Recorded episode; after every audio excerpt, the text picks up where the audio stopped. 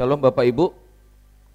Uh, kita nggak terasa udah masuk akhir akhir uh, pertengahan dari bulan Maret. Rasa baru kemarin kita Natal di sini dan hari ini sudah masuk Maret.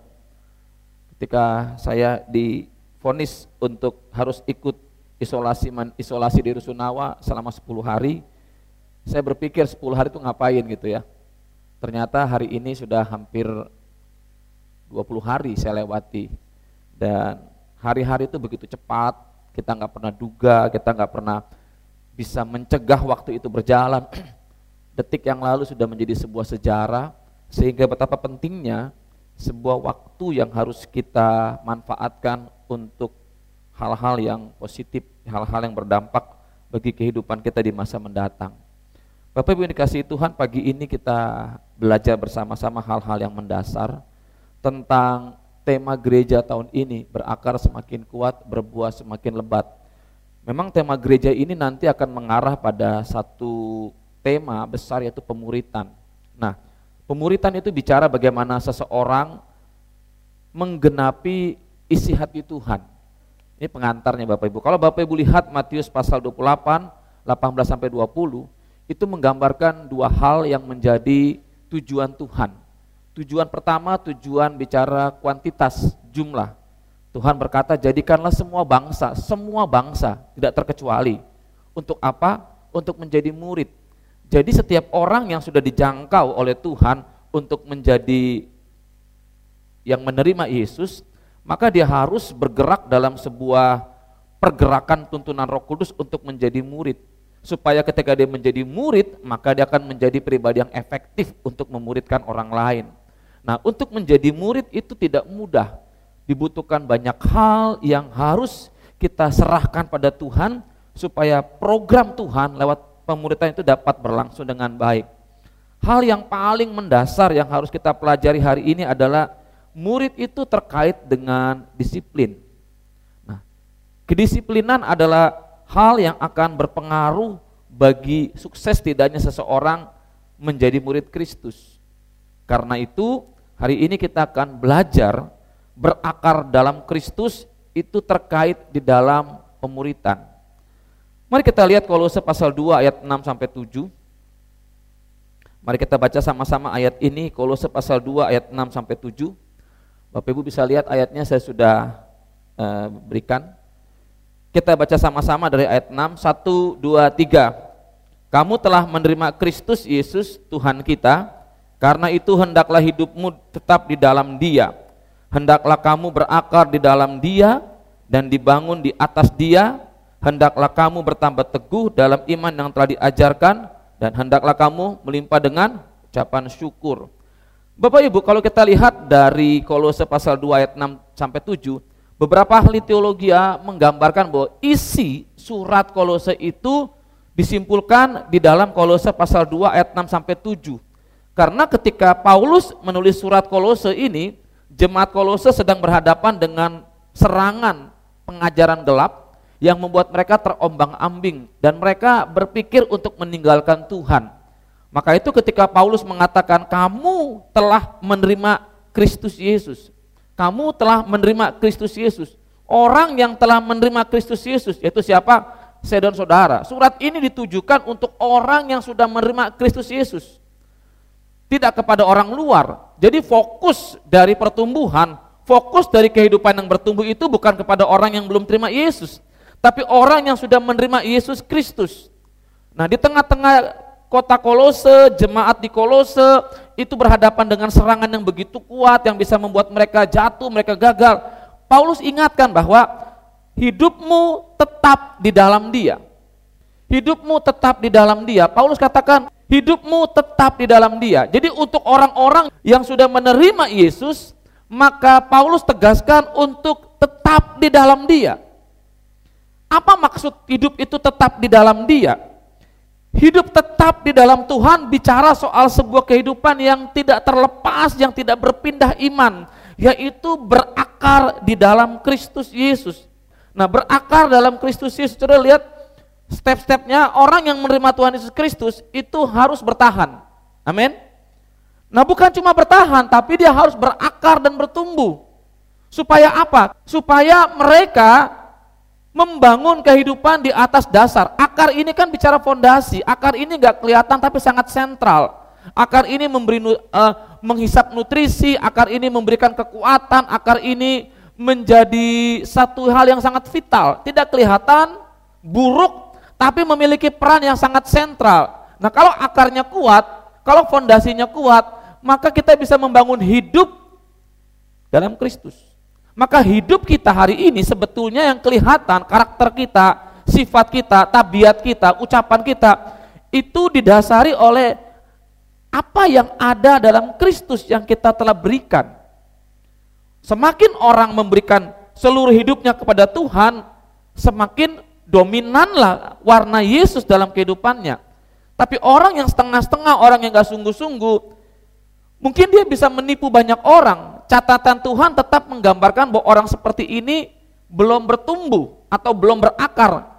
Catatan Tuhan pada akhirnya dibuka ketika akhir zaman, Tuhan katakan aku tidak mengenal engkau. Nah, orang yang berakar dalam Kristus adalah orang yang berdiri kokoh dalam iman. Iman ini kan harus berdasarkan pada Kristus, bukan pada perasaan, bukan pada ucapan orang, bukan pada penilaian orang, bukan pada hal lain tapi harus Kristus. Sebab itu orang yang berakar dalam Kristus itu imannya kokoh. Kokoh di sini adalah nanti saya akan jelaskan apa maksudnya tetap dalam Tuhan. Itu tidak tergoyahkan. Mau ada badai, ada macam-macam, itu nggak tergoyahkan. Kalau Bapak Ibu pernah dengar, tapi saya percaya jarang yang dengar ini. Di Gunung Semeru itu dulu dulu zaman saya sebelum letusan besar akhir-akhir ini, itu ada satu tempat namanya Cemoro Tunggal. Jadi Semeru itu ada tempat perbatasan antara pohon dengan pasir. Jadi ini ada ada ada bat ini ini sini ke sini pohon, sini pasir. Nah, untuk menandai perbatasan itu ada satu pohon cemara yang sudah belasan tahun tidak pernah mati, namanya cemoro tunggal. Kita pendaki bilang namanya cemoro nekat. Karena dia bisa tumbuh di tengah di tengah kondisi gersang, di tengah angin yang dingin dan keras, di tengah situasi yang ekstrim, dia bisa tumbuh. Edelweiss aja nggak tumbuh, tapi pohon cemara ini tumbuh. Kita namakan cemoro tunggal. Memang daunnya tidak banyak, tapi dia hidup. Dan kita akan kalau kita sudah sampai di pohon tersebut, kita siap-siap masuk ke sebuah zona pasir. Kita bilang cemoro tunggal, cemoro nekat. Dia bisa bertahan, dia bisa kuat, dia bisa kokoh. Akarnya itu menembus jauh ke dalam. Walaupun atasnya pasir, tapi akarnya ini bisa menembus ke lapisan yang nggak bisa ditembus oleh oleh pohon lain sehingga dia bisa kuat. Saya percaya lapisan ini bisa ditembus lapisan yang mengandung unsur makanan. Nah orang yang dalam Kristus adalah orang yang kokoh. Ketika situasi tidak menguntungkan, ketika situasi tidak mengenakan, ketika orang yang lain gugur, orang yang lain jatuh, orang yang lain mundur, dia tetap bertahan dalam Tuhan seperti Abraham. Walaupun nggak ada alasan untuk bertahan, Alasan yang paling kuat adalah alasan karena Kristus, bukan karena omongan orang, bukan karena penilaian orang, bukan karena perasaan. Tadi pagi di Facebook saya bilang apa? Jangan biarkan apa yang kau rasakan meragukan apa yang Tuhan katakan. Karena perasaan ini kan turun naik, nggak stabil. Contoh Ibu Reren ya, satu minggu dia kuat, kokoh di karantina dia jadi contoh bagi ibu-ibu yang ingin senam. Dia aktif senam, kalau belajar senam sama dia. Dari senam 1, 2, 3 sampai senam 7, 8, 8. Tapi hari terakhir ketika suaminya kunjungin dia, itu pertahanan yang kokoh itu runtuh. Dan hari terakhir itu dia nggak keluar kamar, katanya sih. Orang tanya, mana Kak Reren? Kok nggak keluar kamar pimpin kami senam? Saya bilang dia sedang ada di dimensi lain, Bu badannya ada di, di, di Rusunawa, tapi pikirannya di rumah. Kan perasaan turun naik. Hari pertama sampai hari ke-8 kokoh, tapi kemudian dia drop karena ada penyebabnya. Istri saya juga demikian. Hari pertama sampai hari ketiga itu drop. Perasaannya terombang ambing, berkecamuk dan segala macam. Belum lagi menghadapi vonis bahwa corona itu sejenis dengan kusta kali ya. Jadi penyakit corona itu sebetulnya buat orang Kalimantan Barat tidak terlalu fatal karena orang Kalimantan Barat banyak kena matahari. Tapi yang fatal itu omongan orang itu lebih jahat daripada virusnya. Kata Ibit GAD Dari pintu ke pintu ku coba tawarkan nama demi anaknya. Apakah dalam diri ini harus jadi pahlawan? Saya berpikir betul juga orang menuntut kita harus seperti yang dia mau baru dia bilang baik. Ketika kita kena musibah, kena sakit ini, kesempatan buat dia untuk menjelek-jelekan. Sementara dia sendiri nggak pernah berani untuk menunjukkan identitasnya. Saya bilang gini, kalau kau menghakimi kami positif-positif, coba kau tes. Nggak berani kan? Jadi tante satu sampai tiga hari itu turun naik sampai dia nggak bisa doa, nggak bisa tidur, tensinya naik. Saya juga terbawa-bawa terpengaruh karena istri sakit, bukan karena corona yang parah, tapi karena mahnya naik, gasnya menekan paru-paru, hampir ya hampir gitulah, hampir dibawa ke bawah. Ya, itu kalau iman berdasarkan perasaan ya seperti itu. Bisa iman kita tiba-tiba drop karena perasaan kita drop, bisa tiba-tiba naik karena sedang bersuka cita. Tapi orang yang berakar dalam Kristus itu imannya boleh dia turun naik, tapi indikasi progresnya itu mungkin dia seperti kita naik Gunung Semeru Bapak Ibu, naik tiga langkah, turun dua langkah, tapi tetap berjalan maju.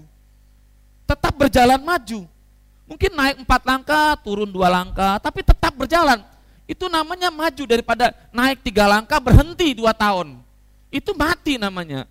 Ada orang puas dengan titik-titik uh, apa ya titik yang dibilang puncak kerohanian mereka, mereka bertahan lama di situ, justru itu mereka sedang mengalami kematian rohani. Tapi orang yang berakar itu bertumbuh. Seperti pohon belian mungkin nggak nggak kelihatan pertumbuhannya, tapi perlahan tapi pasti dia menjadi sebuah pohon yang akan kokoh dan kuat. Rayap aja nggak bisa tembus. Kemudian orang yang berakar dalam Kristus itu memiliki dasar untuk mengucap syukur. Menyembah hati yang melimpah dengan ucapan syukur. Bersyukurlah kepada Tuhan sebab kasih setianya, bukan karena berkatnya, bukan karena e, doamu dijawab, tapi karena kasih setianya. Doa dijawab karena kasih setia Tuhan. Berkat dijawab karena kasih setia Tuhan. Jadi kita mesti mengerti bahwa dasar kita bersyukur, dasar kita menyembah itu bukan karena apa yang kita terima yang terlihat, tapi jauh sebelum kita menerima segala berkat itu, kita menerima kasih setia Tuhan lewat kematian, lewat pengorbanan, lewat kebangkitan, lewat kasihnya yang membuat kita hari ini masih bisa menjadi anak-anak Allah dengan segala kekurangan, kelemahan kita, kenakalan kita, kejatuhan kita. Kita mesti bersyukur. Orang yang berakar dalam Tuhan itu selalu memiliki alasan untuk mengucap syukur. Berapa hari yang lalu saya diingatkan akan satu lagu. Lagu syukur, ku berikan syukurku buat segala karya yang di dalam hidupku. Saya nangis Bapak Ibu. Saya nyanyi lagu itu saya bilang Tuhan ketika ketika menghadapi corona, ibadah ditutup, saya terbuka ibadah ditutup, pemasukan tidak ada, itu harusnya awal bulan, kebutuhan-kebutuhan melonjak, operasional gereja melonjak, seakan-akan segalanya tertutup. Saya bilang sama istri saya ini gereja Tuhan lah, terserahlah mau diapain ya. Bersyukur dari segi konsumsi logistik anak-anak terjaga sampai anak bisa posting. Tapi kan ada kebutuhan lain yang harus diberikan tunai. Sudah percaya nggak selama kami di corona itu ada ada orang-orang yang kita nggak pernah duga tiba-tiba telepon Om, minta nomor rekening dong. Saya bilang ngapain minta rekening? Kau kan udah di gereja lain. Nggak tahu Om, satu dua hari ini aku nggak nggak tergerak untuk ngasih aku nggak tahu ingat gereja kita, aku harus ngasih om. Saya bilang enggak lah kok doa dulu. Udah om, justru udah doa lah aku minta rekening. Bener nih, bener. Ya dia kirim. Ada orang-orang yang yang kita nggak pernah duga, kita nggak pernah kenal.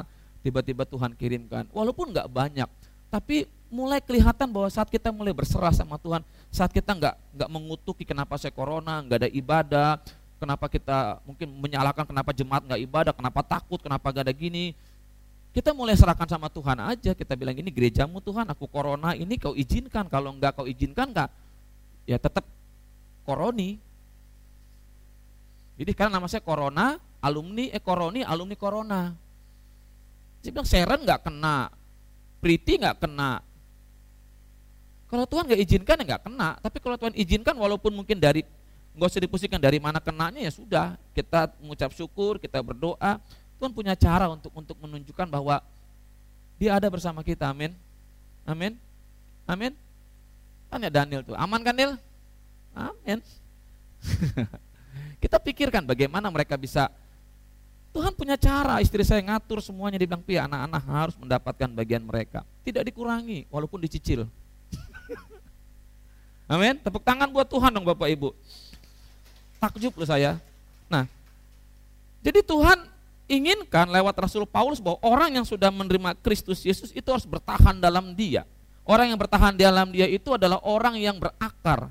Nah orang yang telah menerima Kristus Yesus itu orang yang dalam 1 Yohanes pasal 39 itu yang lahir dari Allah tidak berbuat dosa lagi. Artinya apa? Apakah orang yang sudah lahir baru tidak berbuat dosa lagi? Tidak.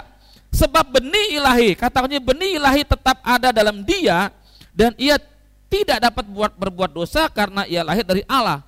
Orang yang punya benih ilahi adalah orang yang memiliki satu awal bagi kehidupan yang bertumbuh dan berbuah. Kalau saudara menanam biji biji apa biji nangka pasti akan tumbuh pohon nangka. Amin.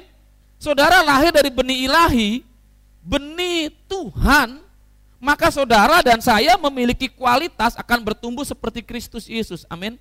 Kenapa orang perlu lahir baru? Kenapa orang perlu dilahirkan kembali? Supaya kehidupan kita yang rusak, benih yang membuat kita berdosa ini diganti menjadi benih ilahi. Benih seperti waktu zaman Adam, waktu Adam pertama kali belum jatuh dalam dosa, benih yang membuat kita bisa bertumbuh dengan kualitas yang Allah inginkan. Memiliki benih ilahi yang menjadi awal bagi kehidupan bertumbuh dan berbuah. Menjadikan kita serupa dengan Kristus.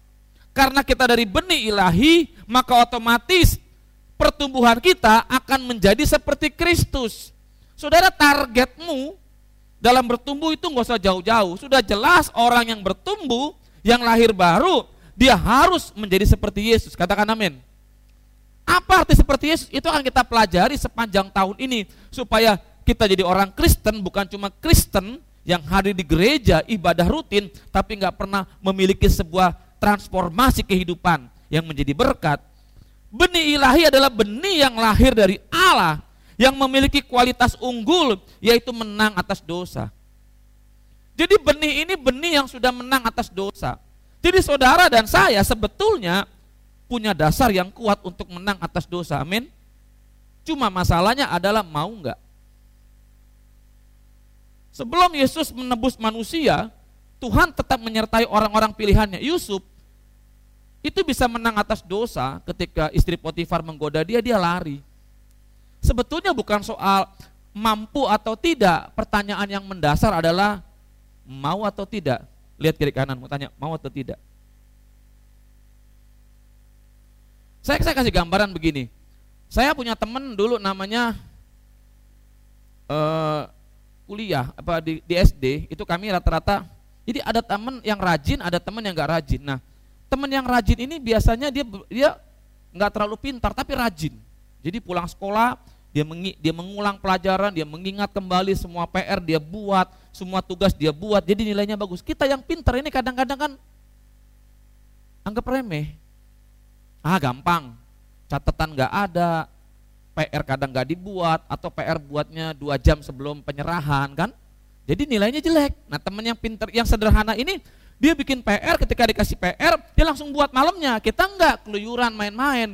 Ya ketika ngambil rapot ya nilai kita kalah dengan dia. Walaupun kita pinter, tapi kita kalah giat dengan dia. Nah banyak orang Kristen berpikir, saya anak Tuhan, saya anak raja, saya punya kuasa, betul.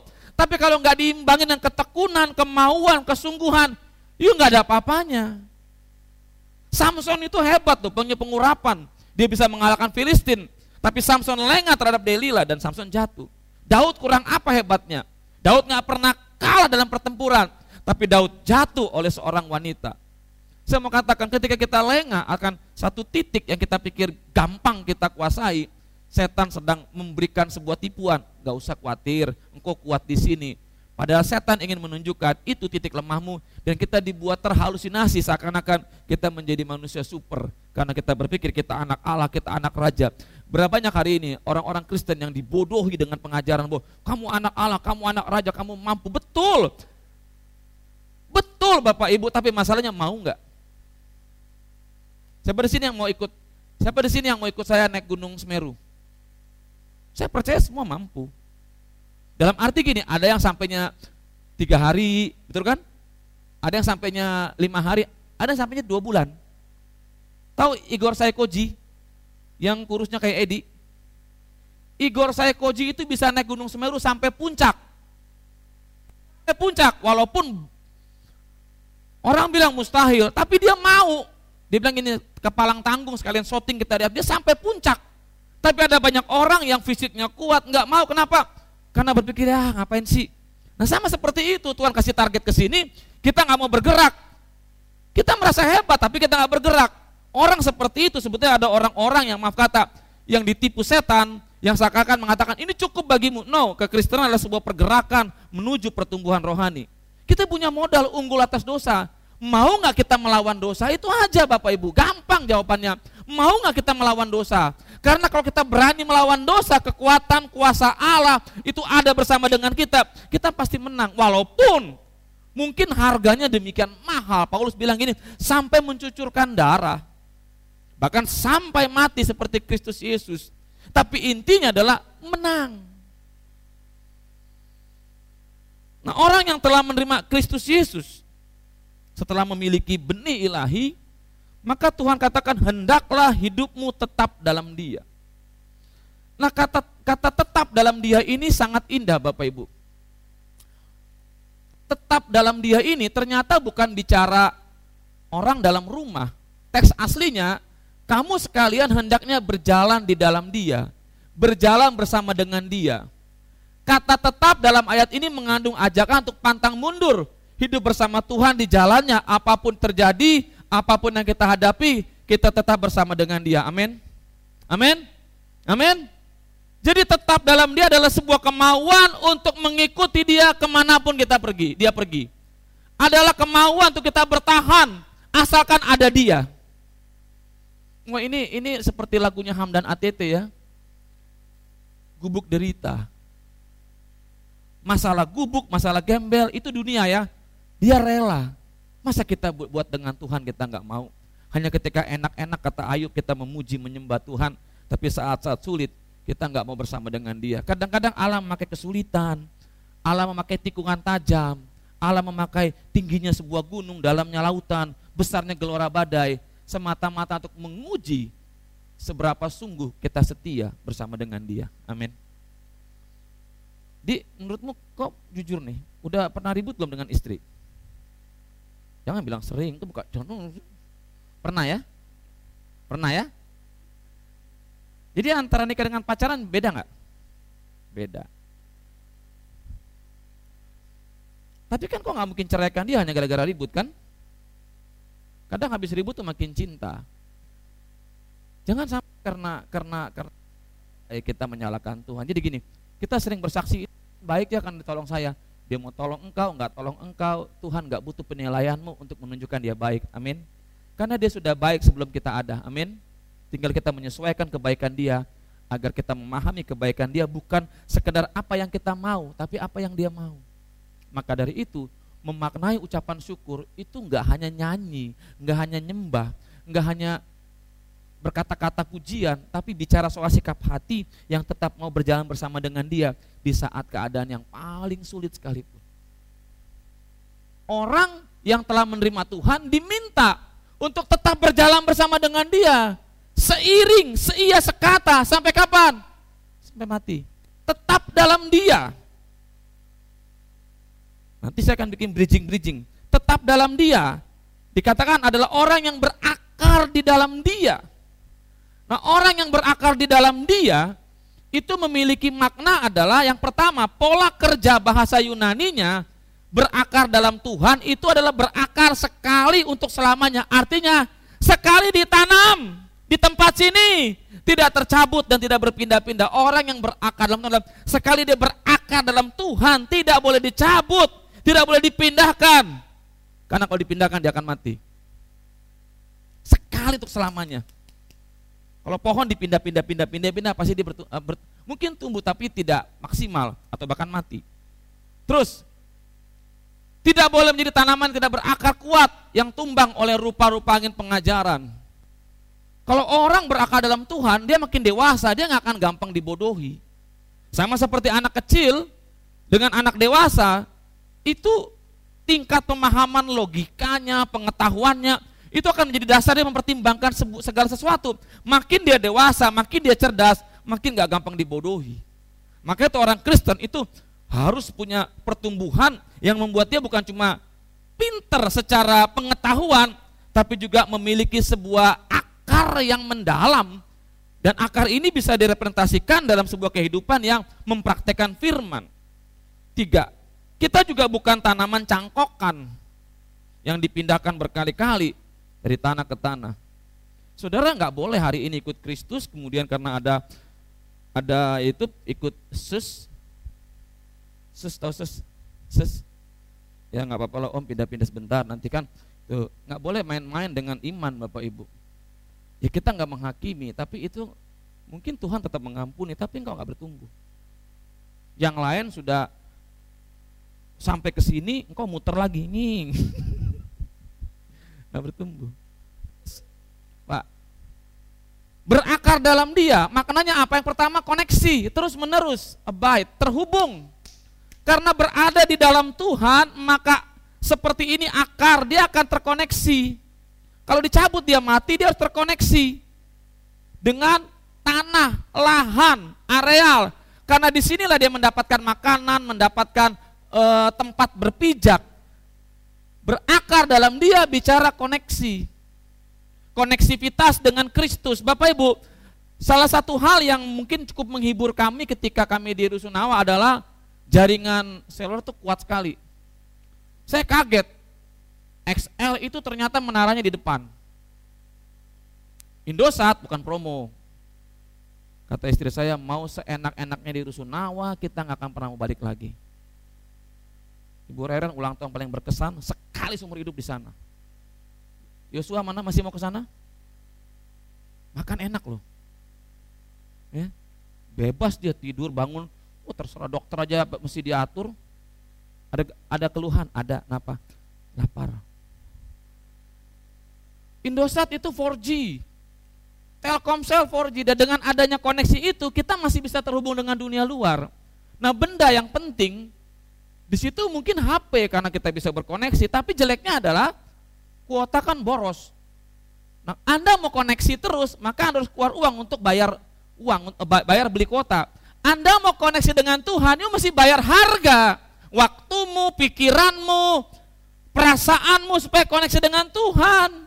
You mau koneksi dengan Tuhan tapi nggak bayar harga, bohong. You mau koneksi dengan internet aja, kita beli kuota, kita rela bayar uang untuk beli kuota. Untuk Tuhan kita nggak rela beri waktu buat Tuhan. Kita nggak rela beri waktu untuk baca firman. Kita nggak rela untuk bermeditasi dengan Tuhan. Kita hanya ingin kelihatan koneksi lewat ibadah-ibadah rutin, tapi nggak pernah mau koneksi secara pribadi. Saudara, ini yang harus kita mengerti bahwa berakar dalam dia bicara soal koneksi. Amin.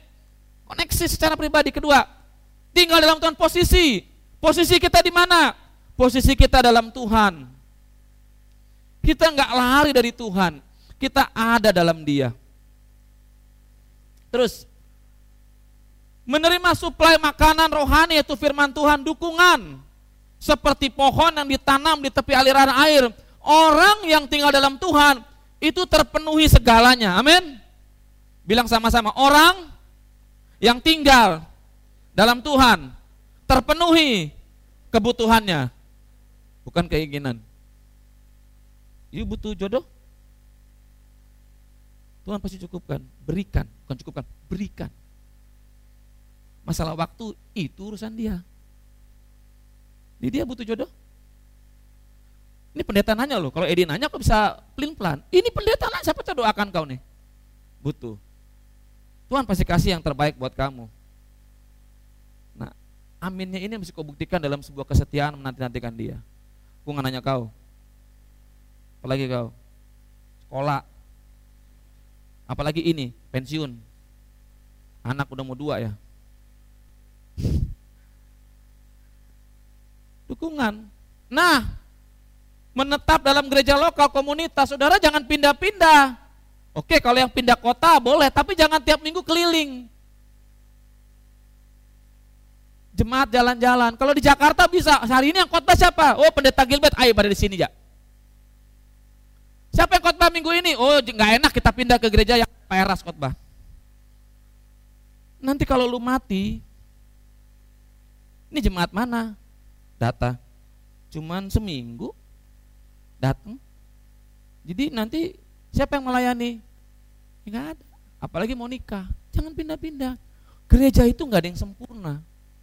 Yang sempurna itu Yesus. Kita lewat gereja belajar menerima orang lain. Kekurangan dia, kelemahan dia, itu menyempurnakan kita. Artinya apa? Lewat kekurangan, ketidaksukaan kita pada orang tersebut, mengajar kita untuk menerima dia. Seperti Kristus juga menerima kita dalam segala kekurangan, kelemahan kita. Amin. Itu indah loh. Indah. Jangankan gereja, rumah tangga aja suami istri, ada sifat-sifat yang kita nggak suka dari pasangan kita. Betul nggak? Pasti itu. Kok jangan jawab, kok belum tahu. Edi betul nggak di? Ya, Edi terus aja.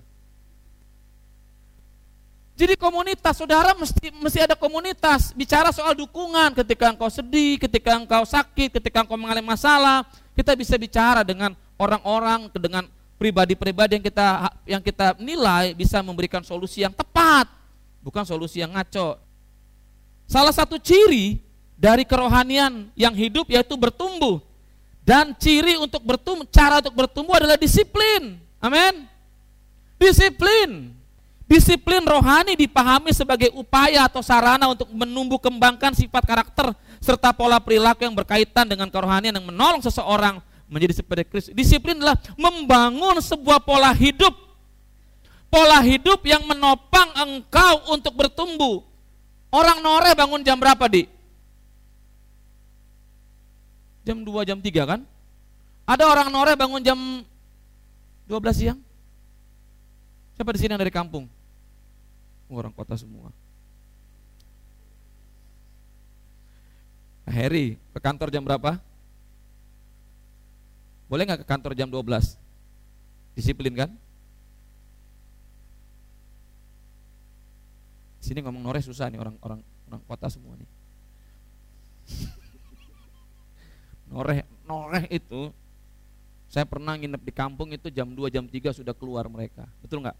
Sekarang noreh keren, bawa HP Cina, entah lagu apa, pokoknya dari ujung ke ujung kedengaran.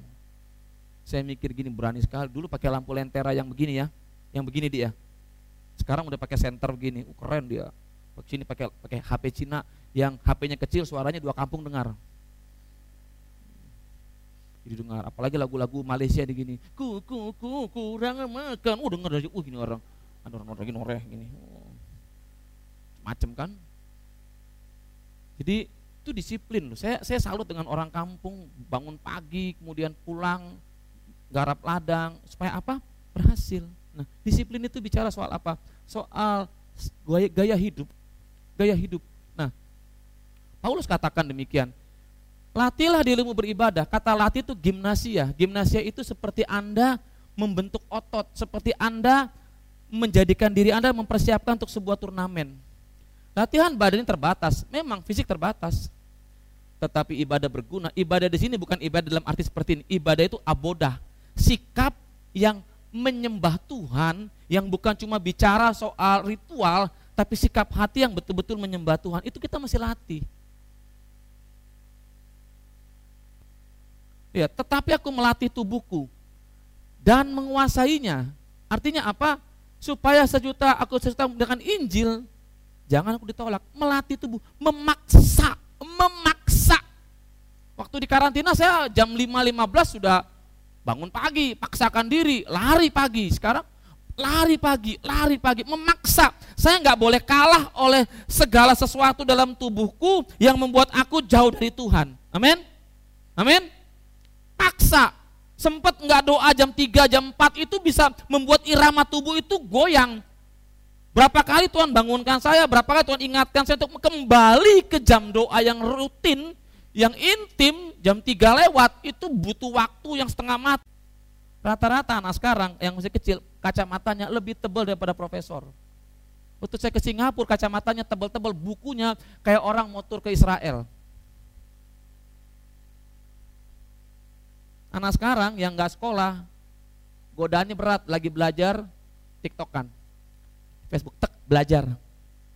Padahal tugas nggak selesai. Kemudian disiplin dengan doa pribadi. Disiplin dengan persekutuan doa, jangan tinggalkan seperti ini. Saudara, ya corona ini kan kemarin sempat memukul GBI Rehobot ya. Ada isu gini, gembalanya kena corona, maka seluruh jemaahnya corona. Betapa dahsyatnya isu itu. Juventus aja, Cristiano Ronaldo kena corona, tidak seluruh Juventus kena. Hebat. Padahal di rumahku aja, aku corona, anakku masih nggak corona. Ada isu kata Ahen, om tuh nggak isunya apa? Om Corona, satu gereja anjing, kucing, ayam, tikus, cicak pun kena Corona. Teganya aku bilang isunya seperti itu. Padahal Reren, Erwin, Keva, Kaleb nggak kena, saya Sharon nggak kena, anak pastori ada yang nggak kena.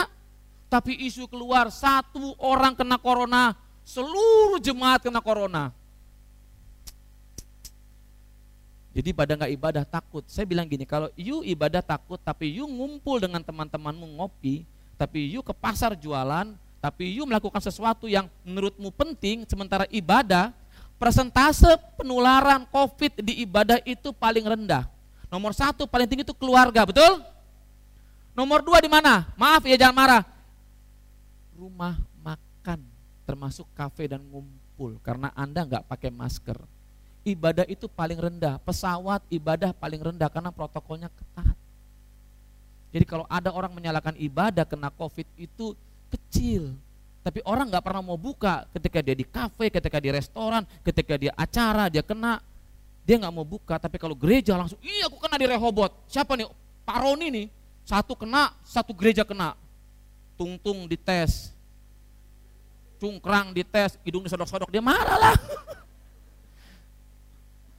Olin aja pede, aku negatif kan Mi? Iya. Dokter tanya, Olin, pos Audrey positif, negatif, positif. Dia bilang gini, Mi kita ketemu papi ya, iya. Nemen, lihat, lihat papi nanti pulang, iya. Kok lama kita pi ya? Iya, lama saya gini, kasihan kok nak. Jadi yuk, selagi bisa ibadah ya ibadah lah. Masa kita kondangan bisa, kondangan sini apa ya? Undangan, masa kita ibadah susah. Next, nah ini juga penting kalau kau nggak pernah memberi, jangan pernah berharap menerima. Hanya orang-orang yang bermental pengemis yang suka menerima tapi nggak pernah berharap untuk menabur dan memberi. Semalam saya kaget ada acara saya dikasih amplop angpau dari seorang ibu. Dia pinter. Kan saya pakai masker. Kita kan salaman gini-gini kan. Masa udah buka masker kita nggak salaman? Pas salaman dikasih amplop. Which Jangan ditolak ya Pak.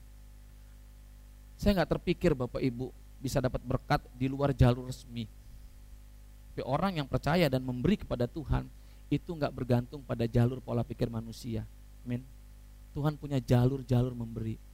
Dan saya punya hati, apa yang saya dapatkan itu saya kembalikan buat Tuhan tanpa saya potong satu sen pun. Kenapa? Karena itu di, di luar dugaan dan saya bilang gini, nggak usah lah Tuhan. Bukan saya bilang saya mau katakan saya nggak pelit. Saudara kalau saudara ingin diberkati, ini kata kuncinya, yuk belajar nabur. Persepuluhanmu bayar. Jangan pelit. Ketika gereja sempat absen persepuluhan itu berkat terhalang. Tapi ketika gereja memberi dengan jujur, itu berkatnya nggak terduga-duga. Banyak. Yuk pikir-pikir, aku ngasih besar, nanti pendetaku kaya. Yuk memberi buat Tuhan. Pendeta punya urusan untuk mempergunakan uang tersebut sesuai dengan apa yang menjadi SOP gereja ini. Jadi jangan berpikir macam-macam. Nanti pikirannya, oh nanti kita ngasih pendeta kaya, pendeta gini gini gini gini. Sampai hari ini pendetamu tetap seperti ini nih, rumahnya aja belum jelas. Ada yang tahu rumah pendetamu di mana? Samping gereja. Yang sedang menunggu tiang-tiang jenggernya roboh. Nang Bapak Ibu. Next. Kesimpulannya adalah Tuhan mengendaki agar setiap orang yang percaya dan menerima Yesus harus tetap dalam dia berjalan bersama dengan dia. Apa pun yang terjadi sama seperti engkau sudah putuskan menikah, mau nanti istrimu gemuk, istrimu bentuknya seperti apa, dia tetap istrimu cinta mengikat engkau. Mungkin dalam hubungan manusia kita punya alasan, tapi dengan Tuhan kita nggak punya alasan karena Tuhan yang mengejar, mengikat, membayar, menerima semua keberadaan kita hingga kita nggak ada alasan meninggalkan Dia. Kita bilang gini, nanti masalah makin banyak Tuhan. Iya, aku beserta dengan Engkau. Nanti ada tantangan badai hidup Tuhan, iya aku beserta dengan engkau, aku menyertai engkau. Nanti aku jatuh, aku tinggalkan engkau, aku tak menerima engkau apa adanya. Kasih Tuhan menutup semua alasan kita untuk meninggalkan dia. Kita harus punya kehidupan yang berakar dalam dia, kehidupan yang terkoneksi dengan dia terus menerus, terus menerus Bapak Ibu. Android ini nanti akan ada namanya 5G ya. Betul ya? Siapa yang jual HP? Bu, 5G ya? Tahu nggak 5G itu sebetulnya adalah sebuah koneksi internet yang sangat cepat yang buat orang main game suka tapi buat kita sangat saking cepatnya Anda nggak sadar kuotamu juga cepat habis. Betul nggak? Dulu kuota berapa kita punya? Satu giga cukup kan? Sekarang berapa kuota di? 10 giga? 20 giga, bayangkan bisnismen 20 giga. Selama kami di karantina, ada pemangsa kuota di kamar kami. Namanya Olin. Semua kuota maminya habis. Papinya habis. Habis kita kan lagi lengah-lengah dia nonton. Nonton, nonton. Pas kita mau koneksi, kok nggak bisa nyambung ya? Kita lihat gini, kuota Anda habis. Untung ada HP cadangan, kuota Anda habis. Mau pakai wifi, lemotnya minta ampun jadi kita mesti koneksi terus menerus, berposisi dalam dia, terima dukungan penuh dari Tuhan karena kesediaan kita untuk mentaatinya, serta memiliki komunitas yang mendukung kita. Amin. Amin. Next yang terakhir. Untuk itu kita harus melakukan yang pertama, disiplin. Dengan disiplin firman, disiplin doa pribadi, disiplin beribadah, dan disiplin memberi. Belum saya tambahkan di terakhir. Jadi hari ini sebelum kita masuk melangkah dalam penggenapan tema seperti ini, satu kata yang harus kita tetapkan adalah saya harus disiplin mulai hari ini. Disiplin firman Tuhan saya baca, disiplin punya jam doa pribadi, disiplin beribadah secara korporat, dan disiplin mengembalikan berkat yang Tuhan berikan. Kita bangkit diri bersama-sama.